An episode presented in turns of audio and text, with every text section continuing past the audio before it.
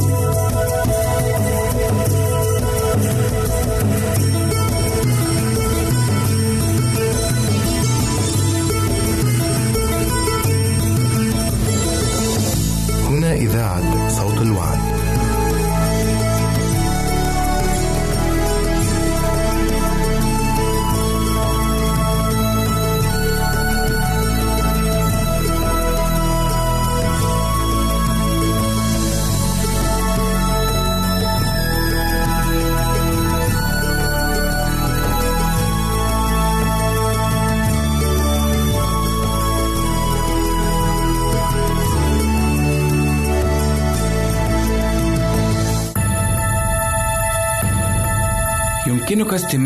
وتحميل برامجنا من موقعنا على الإنترنت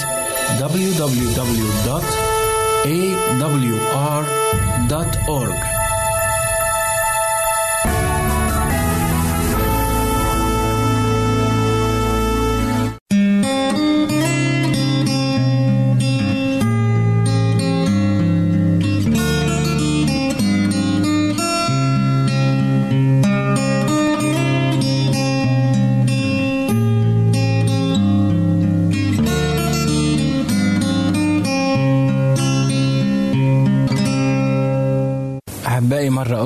أرحب بكم. إلى لقاء جديد وحلقة جديدة من برنامج الكتاب يتكلم.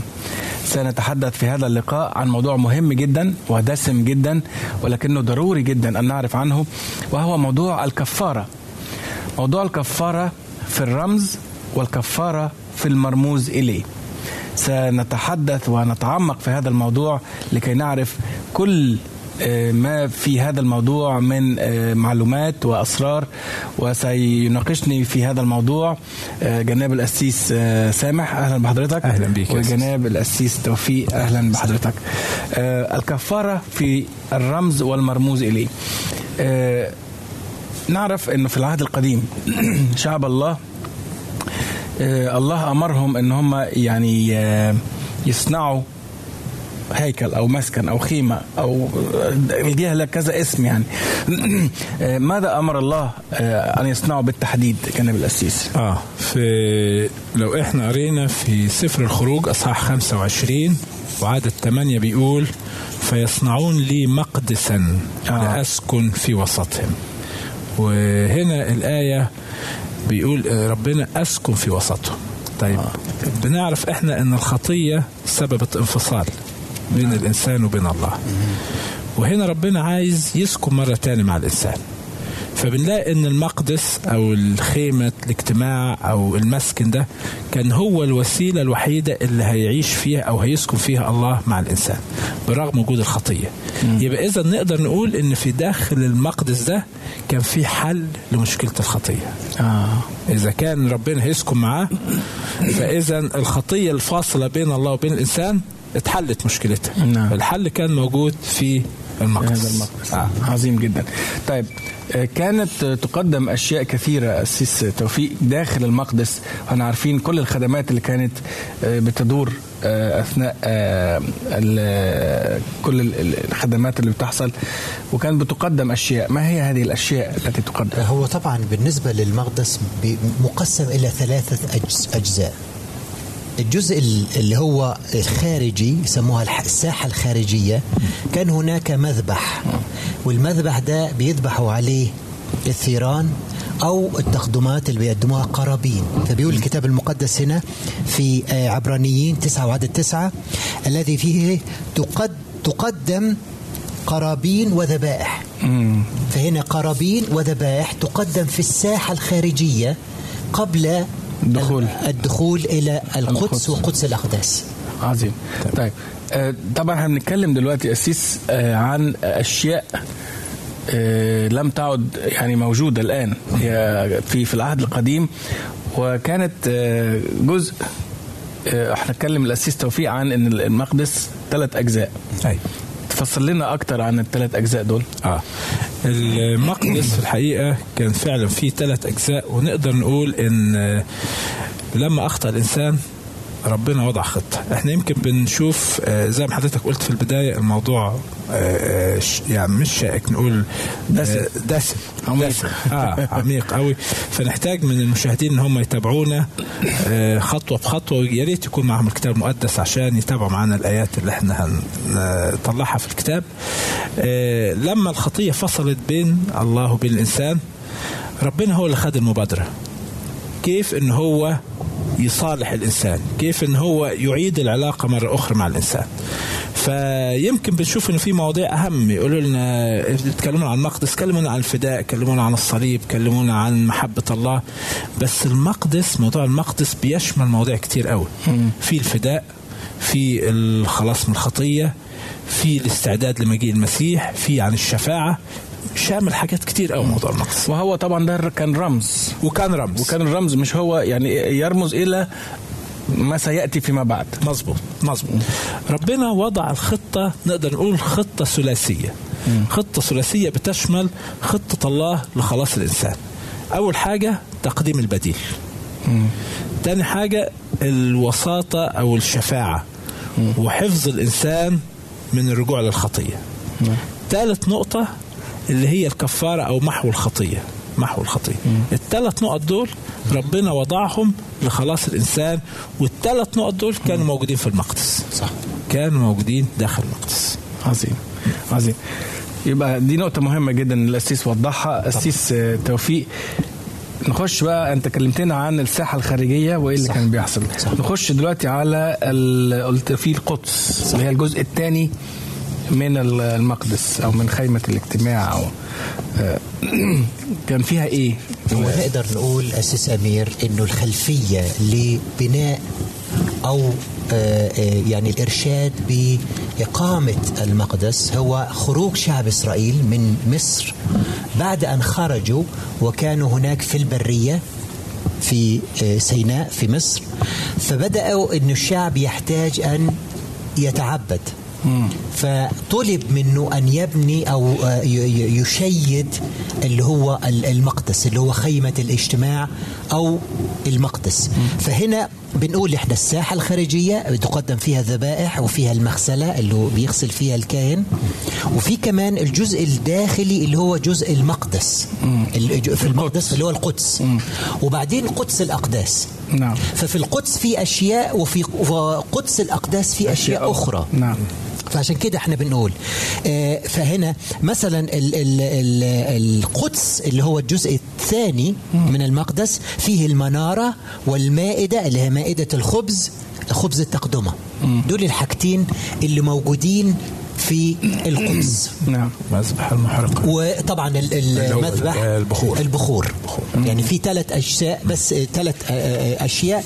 لكن الشيئين اللي مذكورين في عبرانيين اللي هي المنارة ومائدة الخبز وفي الناحية الثانية كمان في اللي هي المبخرة. يسموها المبخرة اللي فيها آه، ب- ب- تقدم البخور. والصلوات نعم. آه، أكيد كان في حاجة بتفصل القسيس آه، سامح آه. القدس عن قدس الأقداس كان شيء اسمه الحجاب. آه. الحجاب ده كان بيفصل بين فعلا القدس وقدس الأقداس. واللي كان آه، العمل اللي كان بيتم في المقدس ما كانش أي إنسان بيدخله. يعني القدس أو قدس الأقداس ده مش أي حد بيدخله. ده كان القدس اللي هو اللي قال عليه الأسيس توفيق في المنارة وفي مائدة الخبز الوجوه وفي مذبح البخور. ده كان بيدخله الكهنة. آه. أما بعد كده في حجاب وفي قدس الأقداس جوه اللي هو في التابوت ده كان بيدخل رئيس الكهنة فقط. مرة واحدة, مرة في, واحدة في السنة. السنة. مرة واحدة في السنة اللي هو يوم الكفارة بقى اللي هو يوم الكفارة نعم إيه، لكن بره في عند مذبح المحرقة ده كان بيجي عامة الشعب وكان رؤساء الشعب وكل الناس اللي بيجيب الذبائح بتوع بيجيب الذبائح وليهم الحق إن هم يدخلوا لحد مذبح المحرقة بس. آخرهم مذبح المحرقة. لكن بعد كده عند القدس قدس الأقداس ما كانش يدخلوا غير الكهنة وبعد كده رئيس الكهنة قدس الأقداس. طيب نتكلم على قدس الأقداس بقى. قلنا في الحجاب الكتاب المقدس بيذكر انه في حجاب بيفصل بين القدس وقدس الأقداس مظبوط. ندخل على قدس الأقداس اللي حضرتك قلت إنه ما يدخلوش غير رئيس الكهنة مش أي كاهن عادي طبعا. رئيس الكهنة فقط مرة واحدة في السنة مظبوط. هو يوم الكفارة تمام. في إيه جوه بقى قدس الأقداس جوه قدس الأقداس كان بيكون في التابوت والتابوت زي ما بنفهم في الكتاب المقدس إن هو رمز لحضور الله رمز عرش الله أو حضور الله في وسط شعبه ده كان عبارة عن جسم من التابوت مصنوع من الخشب ومغطى بالذهب مغشى بالذهب. وكان عليه غطاء من فوق من الذهب عليه زي ملكين صح. اسمه غطاء الرحمة. آه، ده برضو كان بيمثل حضور الله. وده كان ما يدخلوش غير زي ما قلنا رئيس الكهنة مرة واحدة. والخدمات اللي كانت بتتعمل آه، بيسجلها لينا بالترتيب آه، سفر اللاويين آه. يوضحها لينا آه. آه، نبدأ نقولها اتفضل، دلوقتي آه،. كان لما نشوف خطة ربنا في البداية أول خطوة قلناها ثلاث خطوات تقديم البديل الوساطة وحفظ الإنسان من رجوع الخطية ومحو الخطية أو اللي هو الكفاره اول حاجة تقديم البديل. كان بيجي عامة الشعب يجيب ال- الذبيحة بتاعته. ودي كانت ممكن تختلف. يعني ممكن واحد يجيب ذبيحة أغلى شوية واحد حسب, حسب إمكانية ال- الشخص. حسب إمكانياته. مظبوط. يجيب الذبيحة ويعترف على الذبيحة ب- بخطيته وكانت الخطية بتاعته تنتقل بطريقة رمزية منه إلى الذبيحة. طبعا بنذكر المشاهدين هنا إن دي كلها كانت رموز. رموز. وأبطلت أيوة. الآن بعد في العهد الجديد بعد المسيح آه، تمام. بعد بعد صلب المسيح. تمام. لأن ده كانت رموز. حتى الكتاب بيقول إن ليس دم تيوس وعجول يطهر ويغفر لكن كان الخاطئ بيعترف بإيمانه نعم. بالمجيء المسيح اللي هو اللي هيكون الكفارة الاعظم اللي هيعمل عمل الذبيحة العظمى اللي هي هتكفر عن خطايا العالم كله. فبيجي بيعترف بخطيته بتنتقل بطريقة رمزية من الخاطئ إلى هذا الحيوان. الحيوان ده. وبعد كده هو يقوم بذبحه بيذبحه. إيه إيه الرمز بقى المتعلق بالذبح وال... بالذبح دلوقتي آه، الحيوان ده قتل وهو بريء. بس الحيوان ده حمل خطية الإنسان الخاطئ انتقلت ليه. وزي ما بيقول الكتاب إن آه، النفس في الدم. سفك دمه يعني مات بدل عنه. بديل. آه بديل. ده البديل اللي إحنا آه بنتكلم. بنستغرب ربنا المحب إله المحبة خلق الحيوانات وخلق الحاجات دي كلها والإنسان. ليه بيسمح إن هو آه الحيوانات دي تذبح؟ ليه بيسمح إن يسكن في مكان فيه ذبح ودم وقتل؟ هو المكان مش يناسب الله أكثر مما يناسب حالة الإنسان الخاطئ. هي حالة الإنسان الخاطئ آه، ربنا مش هيسكن معاه غير لما يكون بريء هو بريء. فازاي يكون بريء؟ لازم يكون في بديل. يموت عنه. صح. صح. فبيموت ال ال الحيوان ده بدل عنه وبعد كده بياخد الكاهن من الدم بتاعه. طبعا بيحرق بتقدم محرقة الذبيحة وبياخد منه وينضح أمام الحجاب سبع مرات من الدم وبيعمل على قرون مذبح المحرقة من الدم أو على مذبح البخور. يا مذبح البخور يا مذبح المحرقة. والكاهن بياكل جزء منه. بياكل جزء من ال... من اللحم من. الذبيحة. فنخلي بالنا إن الخطية كده. دلوقتي ال- الحيوان ده بقى خطية بدل الإنسان اللي, اللي اعترف بيها فهو الخطية كده انتقلت بطريقة رمزية من الخاطي للحيوان ومن الحيوان للكاهن. للكاهن وللمكان. للمكان. آه. ما النفس في الدم. الكتاب بيقول في سفر لوين النفس هي في الدم. أسيس آه، خلينا نروح الفاصل ونرجع نكمل ال- الموضوع الشيق واللي هو الدسم زي ما قلنا ونعمل مراجعة سريعة في بعد ما نرجع. ومعنا سنعود ونكمل هذا الموضوع الهام عن الكفارة في الرموز وإلى المرموز إليه أيضا. ابقوا معنا.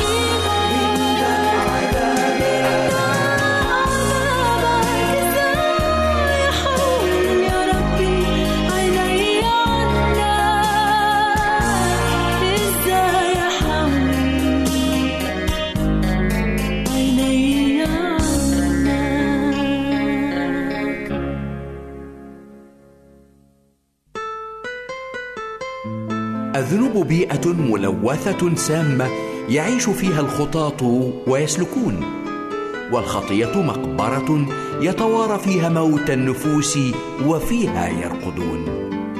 لكن رب قائل الخطاة يمشون وينجحون بل ويضحكون. كلا يا صديقي إنهم كالطير يسبحون فمن الألم يرقصون. وفي الحقيقة إن كثيرين من الأحياء خطاة موتى كتابيا وأدبيا. وبعض الموتى في المسيح أحياء روحيا وأبديا. نعم فأجرة الخطية هي موت. لذا تحولوا من نفوسكم الساقطة لصليبه لأنه كما رفع موسى الحية في البرية هكذا ينبغي أن يرفع ابن الإنسان لكي لا يهلك كل من يؤمن به بل تكون له الحياة الأبدية. أيها المتألم بلسعة الحية القديمة إبليس. التفت إلى المسيح الحي والمحيي. التفت إليه بالثقة الكاملة في كمال خلاصه بالتوبة القلبية المرتمية في دفء محبته بالعودة الأمينة الملتمسة لعفوه وغفرانه. فالمسيح جاء لكي يطلب ويخلص ما قد هلك. لأنكم بالنعمة أنتم مخلصون بالإيمان. وهو ينادي التفتوا إلي واخلصوا. يا جميع أقاصي الأرض لأني أنا الله وليس آخر. اخلصوا.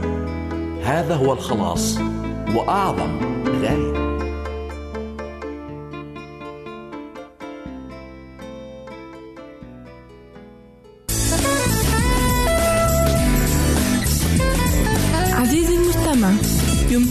مراسلتنا على عنواننا الإلكتروني Arabic at awr.org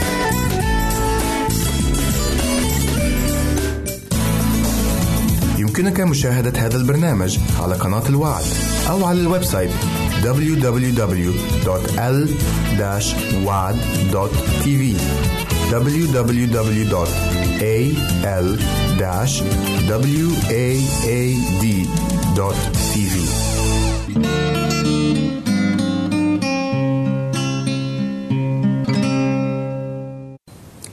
عدنا إليكم آه، أحبائي المستمعين الكرام لا تنسوا أن تكتبوا إلينا آه، لكي نتواصل معكم. آه، جناب الأسيس كنا بنتكلم قبل الفاصل عن العملية ال- الغفران أو الكفارة من البداية للنهاية. يعني ما كملناش يا ريت نكمل أو تدينا ملخص سريع عن اللي قلناه قبل الفاصل وبعدين نكمل. ماشي. ال- الخاطب بيجيب الذبيحة بتاعته بيعترف بيها خطيته بتنتقل بطريقة رمزية إلى ال- الحيوان وبيذبح هذا الحيوان وبياخد الكاهن من الدم لأن النفس في الدم بياخد من الدم يرشه أمام الحجاب سبع مرات وبيدخل على مذبح المحرقة. ويعمل على قرون مذبح أو مذبح البخور بحسب الحال لو كان الخاطي كاهن فيدخل بالدم على مذبح البخور. البخور لو كان من عامة الشعب على مذبح المحرقة نعم. وبيحرق الذبيحة وبيأكل جزء منها الكاهن نعم. فكده خطية الإنسان التائب انتقلت بطريقة رمزية من الإنسان الخاطي إلى المكان سواء كان مذبح المحرقة أو الحجاب أو مذبح البخور. البخور وإلى الكاهن نعم. إلى الكاهن بياخد جزء منها بياخد نعم. جزء منها فكده دي الخطايا المعترف بها أو الخطايا المغفورة. انتقلت رمزيا إلى المكان وإلى الكاهن والعملية دي كانت بتكون يومية يومية كل يوم كل يوم. فده بالنسبة للذبائح أول دي. الشعب اللي هو بيجي كل يوم يكفر عن خطاياه وعادي. مظبوط. مظبوط. آه ننتقل للخطوة الثانية. اتفضل. الخطوة الثانية اللي هو الوساطة الشفاعية أو حفظ الإنسان وضمان عدم رجوعه للخطية. دي كانت بتتعمل في القدس القدس كان في ثلاث أجزاء قال عليهم الأسيس توفيق اللي هو المنارة والمائدة الخبز ومذبح البخور ده داخل القدس داخل جوه القدس. الخيمة آه. يعني. ودي كانت خدمات دائمة يعني لما نقرأ في بعض الآيات بيذكر إن ال- خدمة المنارة المنارة كانت بتكون موقدة دائما دائماً. كان. بيمدوا لها الزيت الزيتون وكان الوقود ما تطفيش أبدا آه. خبز الوجوه كان بيجدد دائما الخبز كان 12 رغيف ستة وستة كان يتغيروا ويجي كل يوم آه، عيش جديد أو خبز جديد وده كان بيحل أكل الكهنة فقط. نعم. خبز الوجوه مذبح البخور؟ كان إيقاد البخور دائم. نلاحظ إن الثلاث خدمات اللي كانوا بيتعملوا في القدس دائم. مستمره مم. ليل نهار مستمر. ودي إشارة يعني كل حاجة ليها إشارة فيه مم. المنارة لما نقرا في سفر زكريا بيقول آه، عن المنارة إن هي بتشير إلى الروح القدس. في زكريا أربعة. لما نقرأ عن البخور بيتكلم داود بيقول لتصعد صلاتي. أمامك كالبخور. ومائدة خبز الوجوه بنقرأ عنها إن هي بتشير إلى كلمة الله. الخبز اشارة إلى كلمة الله. نعم. فدول الثلاث حاجات الروح القدس وكلمة ربنا والصلاة. دول الثلاث حاجات اللي يقدروا يحفظوا الإنسان من الرجوع للخطية. نعم. دي الخطوة الثانية جميل. بعد كده هنيجي بقى الخطوة الثالثة. طيب نخش الخطوة الثالثة. آه، اسيس توفيق لما نخش جوه قدس الأقداس قلنا في تابوت العهد آه، موجود في. جوه. في تابوت العهد وده مصنع بطريقة معينة وعليه اللي هو الغطاء والغطاء عليه الملاكين. وده زي ما قال جناب الأسيس سامح إنه ده اللي هو كرسي الرحمة. آه ده مغطى بالذهب. مغطى بالذهب. آه. و- وبداخله أشياء أيضا. دا- داخل التابوت بيقول الكتاب نفسه. المقدس آه إنه بداخله آه آه اللي هو تضع الشهادة التي أعطيك. إيه الشهادة دي في خروج آه 25 1 21 ده الشهادة اللي هي الوصايا العشر. بيقول هنا آه فتكتب على اللوحين مثل الكتابة الأولى اللي هي الكلمات العشر الوصايا العشر ثم آه، آه، انصرفوا وانزل إلى الجبل وضع اللوحين اللي هم اللي في إيدك دول وصايا العشر فين؟ في في التابوت. التابوت التي صنعته دي موجودة كمان في تثنية عشرة أربعة وخمسة. فهنا آه، بنجد هنا التابوت بداخله الوصايا العشر وكمان بيقول الكتاب المقدس بيعلمنا إنه في عصا موسى كمان موجودة في التابوت وفي كمان جزء من ال ال ال ال المن أو اللي كان غذاء. في البريه نعم. اللي كانوا بياكلوا وهو ده المكان اللي كان فيه حضور الله. بيقول الكتاب المقدس إنه من فوق التابوت آه وتجعل الغطاء على التابوت من فوق وفي التابوت الشهادة. وهنا بيقول إنه الله ده المسكن اللي الله بيتكلم مع الكاهن من خلال هذا المكان. من يعني في حضور الله في حضور الله في, ها في هذا المكان اللي هو آه، تابوت اللي هو يسمى آه، قدس الأقداس. نعم. نرجع بقى أسيس سامح للخطوة الثالثة ويمكن دي أهم خطوة آه. في في العملية كلها دي أهم خطوة وكانت بتتعمل في يوم في السنة يوم واحد في السنة يوم وكان واحد. بس رئيس الكهنة مش أي كاهن عادي لا، لا. رئيس الكهنة هو اللي كان مسموح له بس. يدخل جوه آه، كان يوم. مهم جدا جدا وعلى كل الشعب وكل الأمة كلها كانت لازم يكونوا حاضرين. آه. وكان كان عيد كبير أو. يوم آه، ده كان أمر. صح. آه آه وكان ربنا بيقول اللي ما يحضرش يوم الكفارة تقطع تلك النفس من شعبها. آه. فيش حد ما يقدرش يحضر. يعني حكم على نفسه بالهلاك. اللي ما يحضرش ده هو حاكم على نفسه بالهلاك. إيه اللي بيحصل في يوم الكفارة؟ ده حدث عظيم جدا. دلوقتي يوم الكفارة ده كان فيه تطهير كامل للشعب للشعب وللكهنة والكهنة. وللمكان. كل حاجة كله. آه. كان بيجيب رئيس الكهنة تيسين وكان بيدي قرعة عليهم يقول لك قرعة للرب وقرعة لعزازيل في ناس كتير للأسف أنا قريت بعض المقالات وكاتبينها آه بعض الناس من دارسي الكتاب المقدس كتبوا إن التيس عزازيل بيرمز للمسيح آه. دي كارثة. كبيرة قوي كارثة كبيرة. لأنه ده بيطرد. آه ده بيطرد. اولا تيس عزازيل ما يرمزش المسيح. ليه؟ لأن تيس عزازيل من الكتاب ما كانش بيذبح ما كانش بيسفك دمه. مم. اللي كان- كان بيذبح تيس الرب. تيس الرب بيذبح ده اللي بيقدم كفارة أو بديل. نعم. بيسفك دمه. لكن تيس عزازيل ما كان كانش بيروح على البرية بي... ده كان بي بيطلق بعد ما يتم التكفير على المكان. المكان بيطهر ويكفر عنه وبعد كده تسع عزازيل بيوضع عليه مسؤولية الخطية كلها. هو اللي مسؤول عن كل خطية ويطلق بيد من يلقى يرمز إلى إيه أسيس؟ عشان نلاحظ من. الكلام. نلاحظ لما يقول لك تيس للرب وتيس لعزازيل إن ده شيء غير ده. ده عكس ده. ده عكس ده. ده آه، مناقض لده. ده بيقدم تيس للرب وده بيقدم تيس لعزازيل فده حاجة ضد ده. فبيفهم إن تيس عزازيل هو رمز للشيطان. نعم. بيرمز الشيطان ان هو بيوضع عليه مسؤولية كل خطية الشعب وكل الخطية الموجودة وبيطلق بعيدا عن المكان اللي فيه ال- الشعب. نعم. طيب تم التطهير. ليه؟ عايز أقول نقطة هنا. لما نقول إن تيس عزازيل يؤخذ ويترك في البرية. نعم. إيه اللي موجود في البرية غير الوحوش وغير ال ال ال ال الحيوانات المفترسة؟ فهو هنا معناها إنه إشارة إلى ترك آه، لل لل لل- للهلاك. لكن لو إن لو قلنا إنه تيس عزازيل يرمز للمسيح ودي خطأ إحنا كده آه، غير ص- يعني غير صحيح. تيس عزازيل هو الشيطان الذي يترك للهلاك في تمام. البرية. تمام. وحتى اسم عزيل اسمه التيس المتروك في البرية أو الملقى به في البرية. نعم. معنى كده. عظيم طيب. في حاجة تاني بقى ده آه، نرجع ونذكر المشاهدين والمستمعين إنه. كل العملية دلوقتي دي كانت كانت رمز. طبعا مظبوط. أشياء رمزية. آه، ك- كانت كلها تشير إلى آه، ما بالظبط. سيأتي. صح. وهو ال- الفداء في شخص السيد المسيح. الذي أو هو المرموز إليه من خلال كل هذه الخدمات اللي موجودة في ال- في القدس. وقدس الاقداس صح. صح. وده كمان تحضير للشعب الشعب اللي كان في آه، آه، مصر في لمدة آه، آه، 400 سنة وأكثر. ده معناها أنه الشعب لازم يخرج من العبادة الخاطئة اللي في في اللي هي في كانت في مصر والعبودية وكل الأشياء. فهو الله بيحضر الشعب لما هو أفضل. بيعطيله خطوة خطوة حتى أنه هو يتعلم ويطبق هذه الأشياء بطريقة صح. طيب في آية هنا بتقول في لاويين 16 22 ليحمل التيس عليه كل ذنوبهم إلى أرض مغفرة فيطلق آه، التيس في البرية. مظبوط. ده تيس عزازيل؟ تيس عزازيل. آه.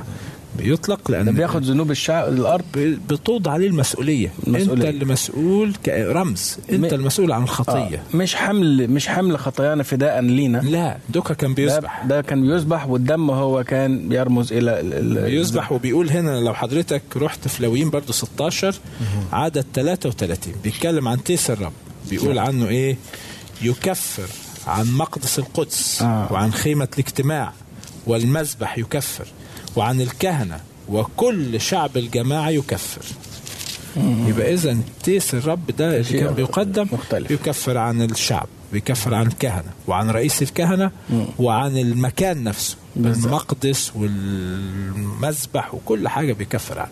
فكانت يعني إحنا لما قلنا إن رئيس ال- الكهنة كانوا كل يوم بياخدوا دم الذبائح يرشوا قدام الحجاب. ويرشوا على قرون المذبح المحرقة أو مذبح البخور. الخطايا المغفورة بتنتقل رمزيا إلى المكان. المكان. كل يوم في خطايا بتنتقل نعم. كل يوم. طب أسيس سامح عايزين بقى يعني في في خلاصة نشوف المرموز إليه ونشوف المرموز. إزاي تمت الحاجات دي آه. آه، في شخص المسيح في العهد الجديد.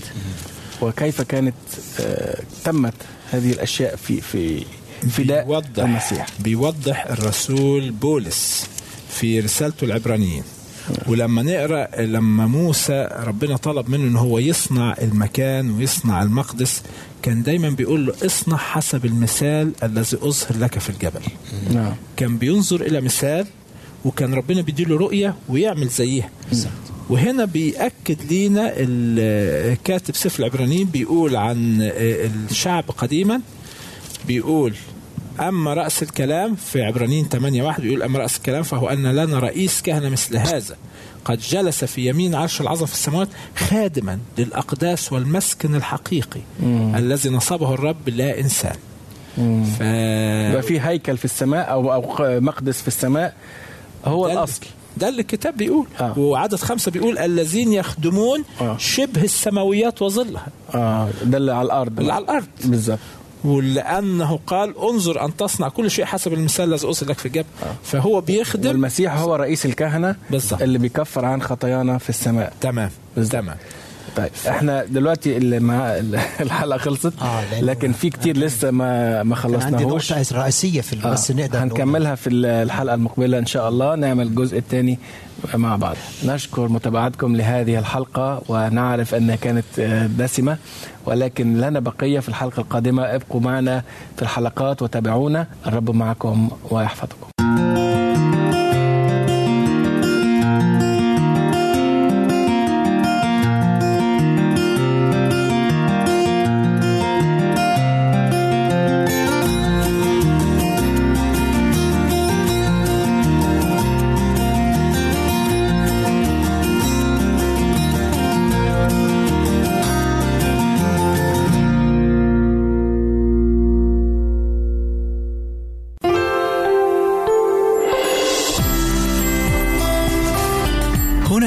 صوت الوعد. لكي يكون الوعد من نصيبك. عزيزي المستمع يمكنك مراسلتنا على البريد الإلكتروني التالي Arabic at awr.org العنوان مرة أخرى Arabic at awr.org ونحن في انتظار رسائلك واقتراحاتك. نحب أن نسمع منك.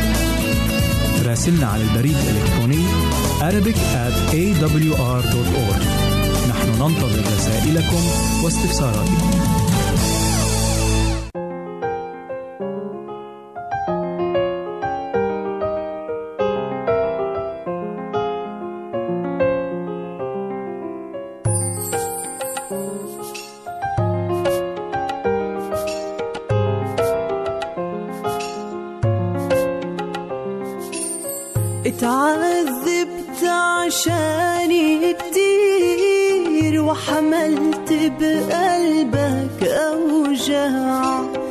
حبتني.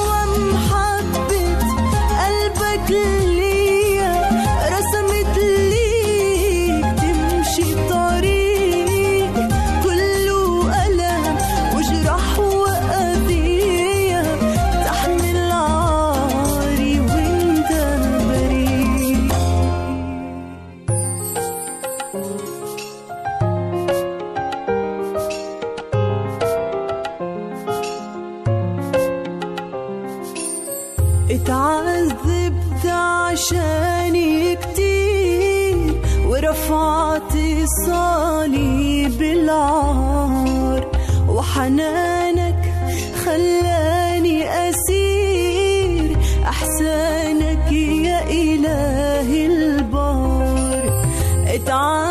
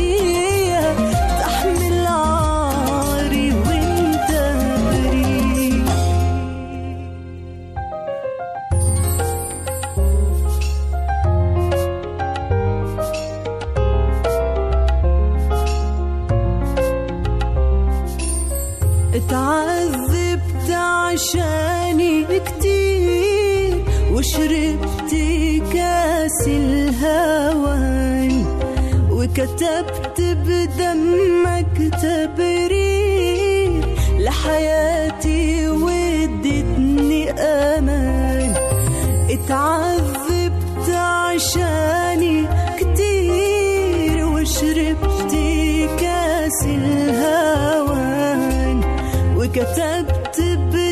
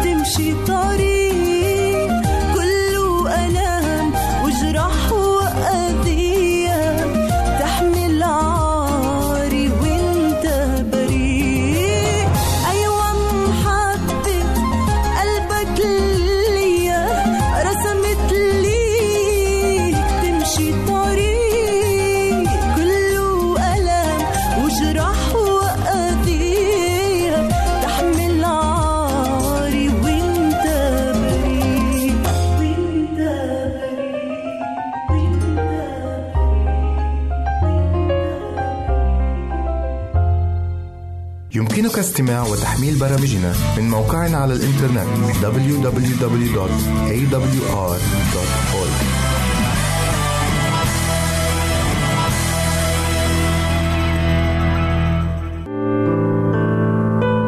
عزيزي المستمع يمكنك مراسلتنا على عنواننا الإلكتروني Arabic at awr.org أحبائي المستمعين ها نحن نلتقي معا مرة أخرى. وفي أسبوع جديد. كم يسعدني أن أتحدث إليكم من خلال برنامجكم الأسبوعي المنوع والطريف هل تعلم؟ في حلقة اليوم من هل تعلم سنستمع إلى مجموعة من المعلومات عن غرائب الحيوانات التي هي كثيرة جدا. فابقوا معنا وترقبوا كل ما هو مسل ومفيد.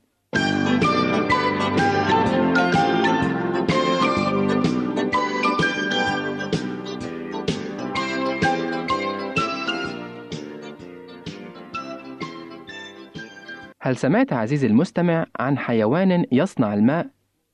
الكثيرون منا يستهلكون كميات كبيرة من الماء وخاصة في شهور الصيف الحارة لكن حيواننا هذا يختلف اختلافا كليا عن غيره. حيوان يصنع الماء. إنه يشبه الغزلان الصغيرة كما أنه يشبه الفأر ويسمى الجرز القنغري إذ له رجلان خلفيتان تشبهان رجلي حيوان القنغر الخلفيتين. فإن طولهما يزيد كثيرا على طول الرجلين الأماميتين. ويعدو هذا الجرز القنغري لمسافات طويلة بسرعة كبيرة بفضل هذا التكوين الخلقي في رجليه الخلفيتين. وقد تصل الخطوة الواحدة له ثلاثة أمتار. وبذلك يهرب من أعدائه مثل الثعابين والبوم والحيوانات الكبيرة التي تلتذ من طعمه. وهذا الحيوان ذو الفروة الحريرية يرفض بشكل قاطع أن يذوق طوال حياته قطرة واحدة من الماء وهو يكره أن يبلل فروته الأنيقة كما أنه يظل دائما في جحره في أثناء هطول المطر. ويفضل أن يعيش على البذور الجافة الصلبة التي يدفعها بقدميه الأماميتين داخل فمه ليأكلها في أمان داخل مسكنه. أما احتياجه من الماء فيحصل عليه بالاكتفاء الذاتي فهو يحصل عليه من جهازه الهضمي وذلك باتحاد العنصرين اللذين يتكون منهما الماء وهما الهيدروجين ومصدره البذور الجافة التي يأكلها والأكسجين من الهواء الذي يستنشقه ويتحد العنصران داخل جسمه فيكونان الماء الذي يبقي الحيوان حيا سليما ومعافى.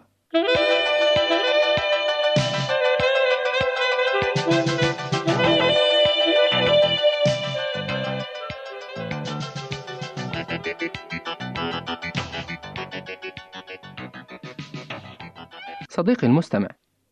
لا تظن أن هذا الجرز القنغري هو الحيوان الوحيد الذي لا يشرب الماء.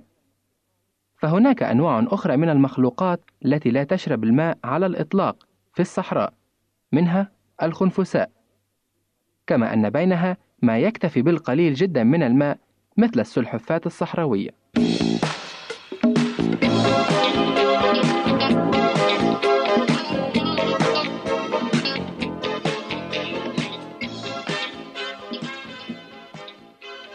ماذا تعلم عن سفينة الصحراء؟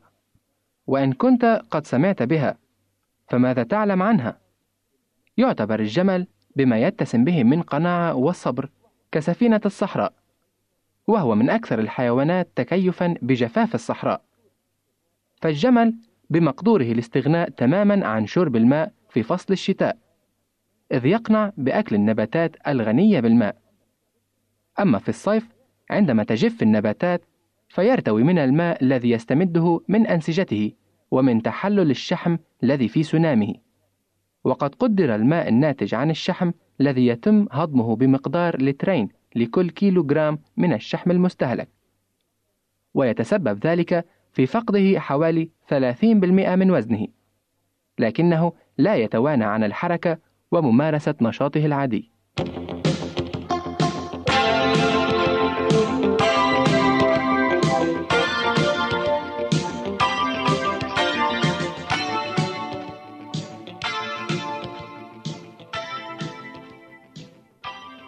سندخل بكم أحباء المستمعين إلى قلب الغابة حيث تكثر الأشجار والحيوانات المفترسة في نفس الوقت وسنتعرف إلى إحدى هذه الحيوانات فهل تعلم صديقي كيف ينال الذئب من فريسته؟ من طباع الذئاب عند وجود فريسة أن يتعاون ذئبان فيقف أحد الذئبين أمام الفريسة ويشغلها حتى تواجهه ولا تنظر خلفها ثم يذهب الآخر من الخلف ويهجم عليها وهي غافلة. وهذا الذئب المهاجم يعرف أين مقتل الفريسة فلا يضيع وقته في كفاح طويل معها إذ هو يذهب رأسا إلى قفا العنق فيقفز إلى ظهر الفريسة ويغرز مخالبه وأنيابه في السلسلة الفقرية ويكسرها فيقطع بذلك عصب العنق وتقع الفريسة. والذئب لا يختلف في قارة عما هو في أخرى إلا من حيث اللون والجرم فهو صغير الجثة في البلاد الحارة كبيرها في البلاد الباردة.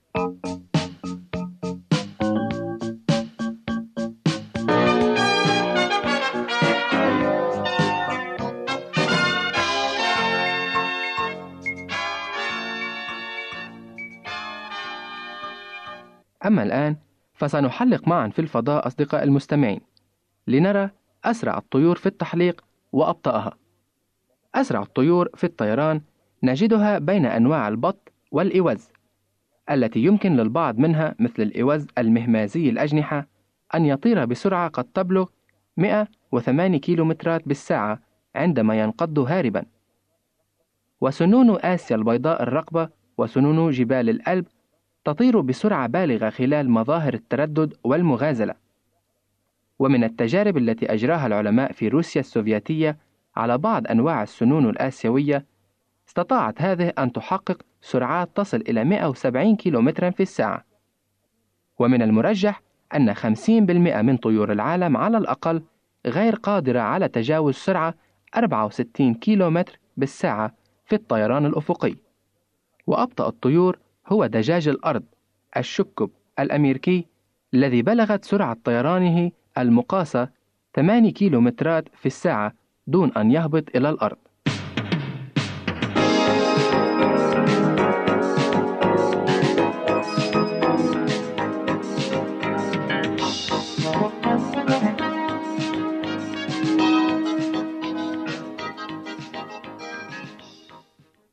بعد هذا التحليق في الفضاء سننتقل معا إلى شواطئ البحر لنتعرف إلى سبع البحر الذي يحلو له استعراض مهارته. ويشعر بالأسى البالغ إذ لم يصب نجاحا أمام المتفرجين سواء أكانوا من زملائه سباع البحر الأخرى أم من الناس. وقد يبلغ به حب الظهور إلى درجة أنه يصفق لنفسه استحسانا. والشيء الوحيد الذي يحز في نفسه أكثر من عدم استطاعته إشباع رغبته في حب الظهور هو اضطراره إلى أن يأخذ مكانه في أدب بين المتفرجين.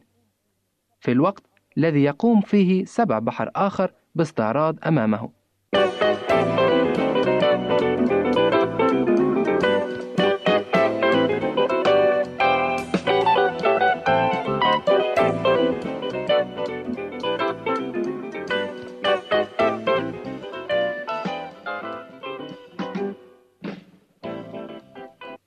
هل أردت مرة في حياتك أن تكون في مكان قطة؟ استمع لما سأقوله لك ومن ثم أعطنا رأيك.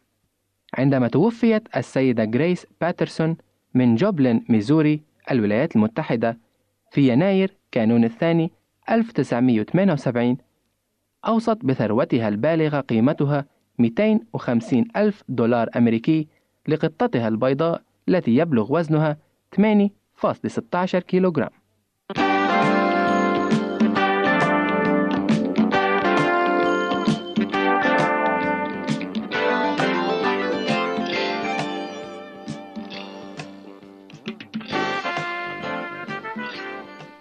صديقي المستمع إليك ثلاث حقائق عن القطط. الأمهر في التسلق. في السادس من سبتمبر أيلول سنة 1950 لحقت قطة عمرها أربعة أشهر بمجموعة من المتسلقين في سويسرا من جنيف إلى قمة جبل ماترهورن البالغ علوه 4478 متر. بطل اصطياد الفئران. أعظم من اصطاد الفئران بين القطط أنثى اسمها تاوزر مولودة في أبريل 1963 التي أكملت اصطياد ما يزيد على 24621 فارة. في ميلادها الثاني والعشرين ويبلغ معدل ما تصطاده ثلاثة فئران في اليوم حتى ماتت في 20 مارس آذار سنة 1987 لسان القط سلاحه الطبي الدائم فهو مملوء بغدد تفرز سائلا مطهرا ويعمد القط إلى جرحه فيلحسه عدة مرات حتى يلتئم.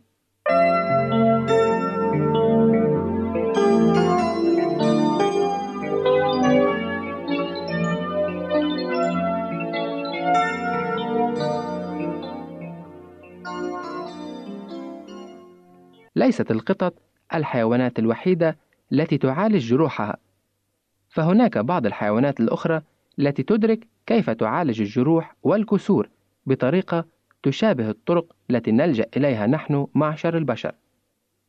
فإذا جرح الشمبانزي أسرع إلى وقف النزيف بوضع يده على الجرح، أو يغطيه بأوراق الحشائش والأشجار.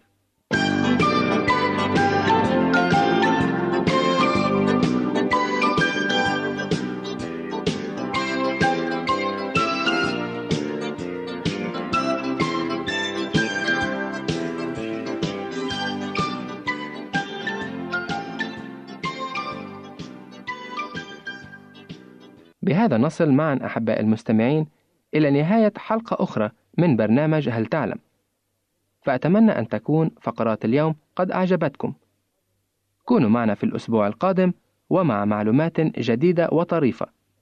وإلى ذلك الحين نتمنى لكم كل بركة من عند الله. إذا أردت دراسة الكتاب المقدس يمكنك الكتابة إلينا على عنواننا وستحصل على هدية قيمة بعد انتهائك من الدراسة.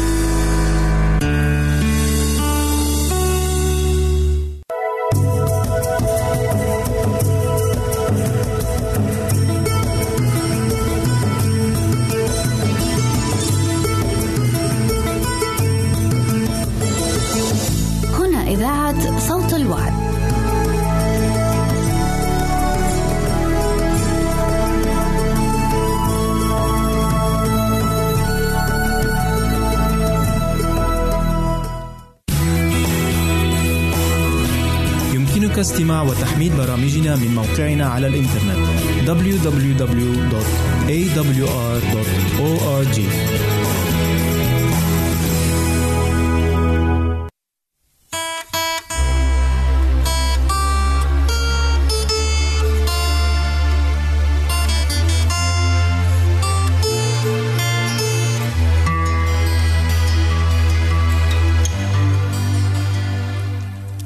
رحمة كثيرا ارحمني. رأفة تراءف علي اغسلن قلبي من إثمي.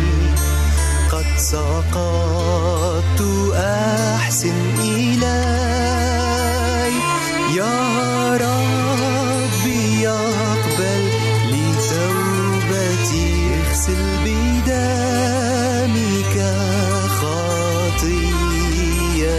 بروحك القدوس الجليل جدد لي عهد محبتي.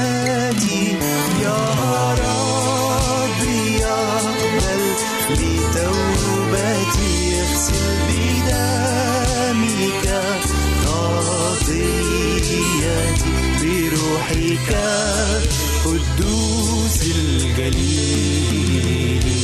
جهد لي عهد محبتي.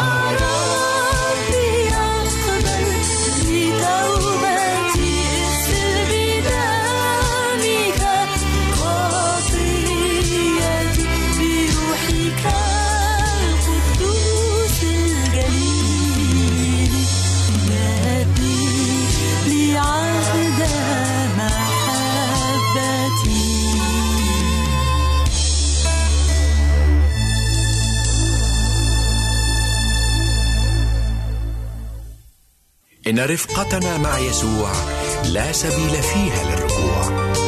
فالمريض لا يشتاق لمرضه ولا يحن الفاشل لفشله ولا يعود المهزوم لهزيمته. ولا يمكن أن نطلب المظهر الخادع بعد أن اختبرنا صدق الجوهر الرائع. وليس معنى هذا أن طريق المسيح مريح فسيح فطريقه ما أضيقه وما أكرمه.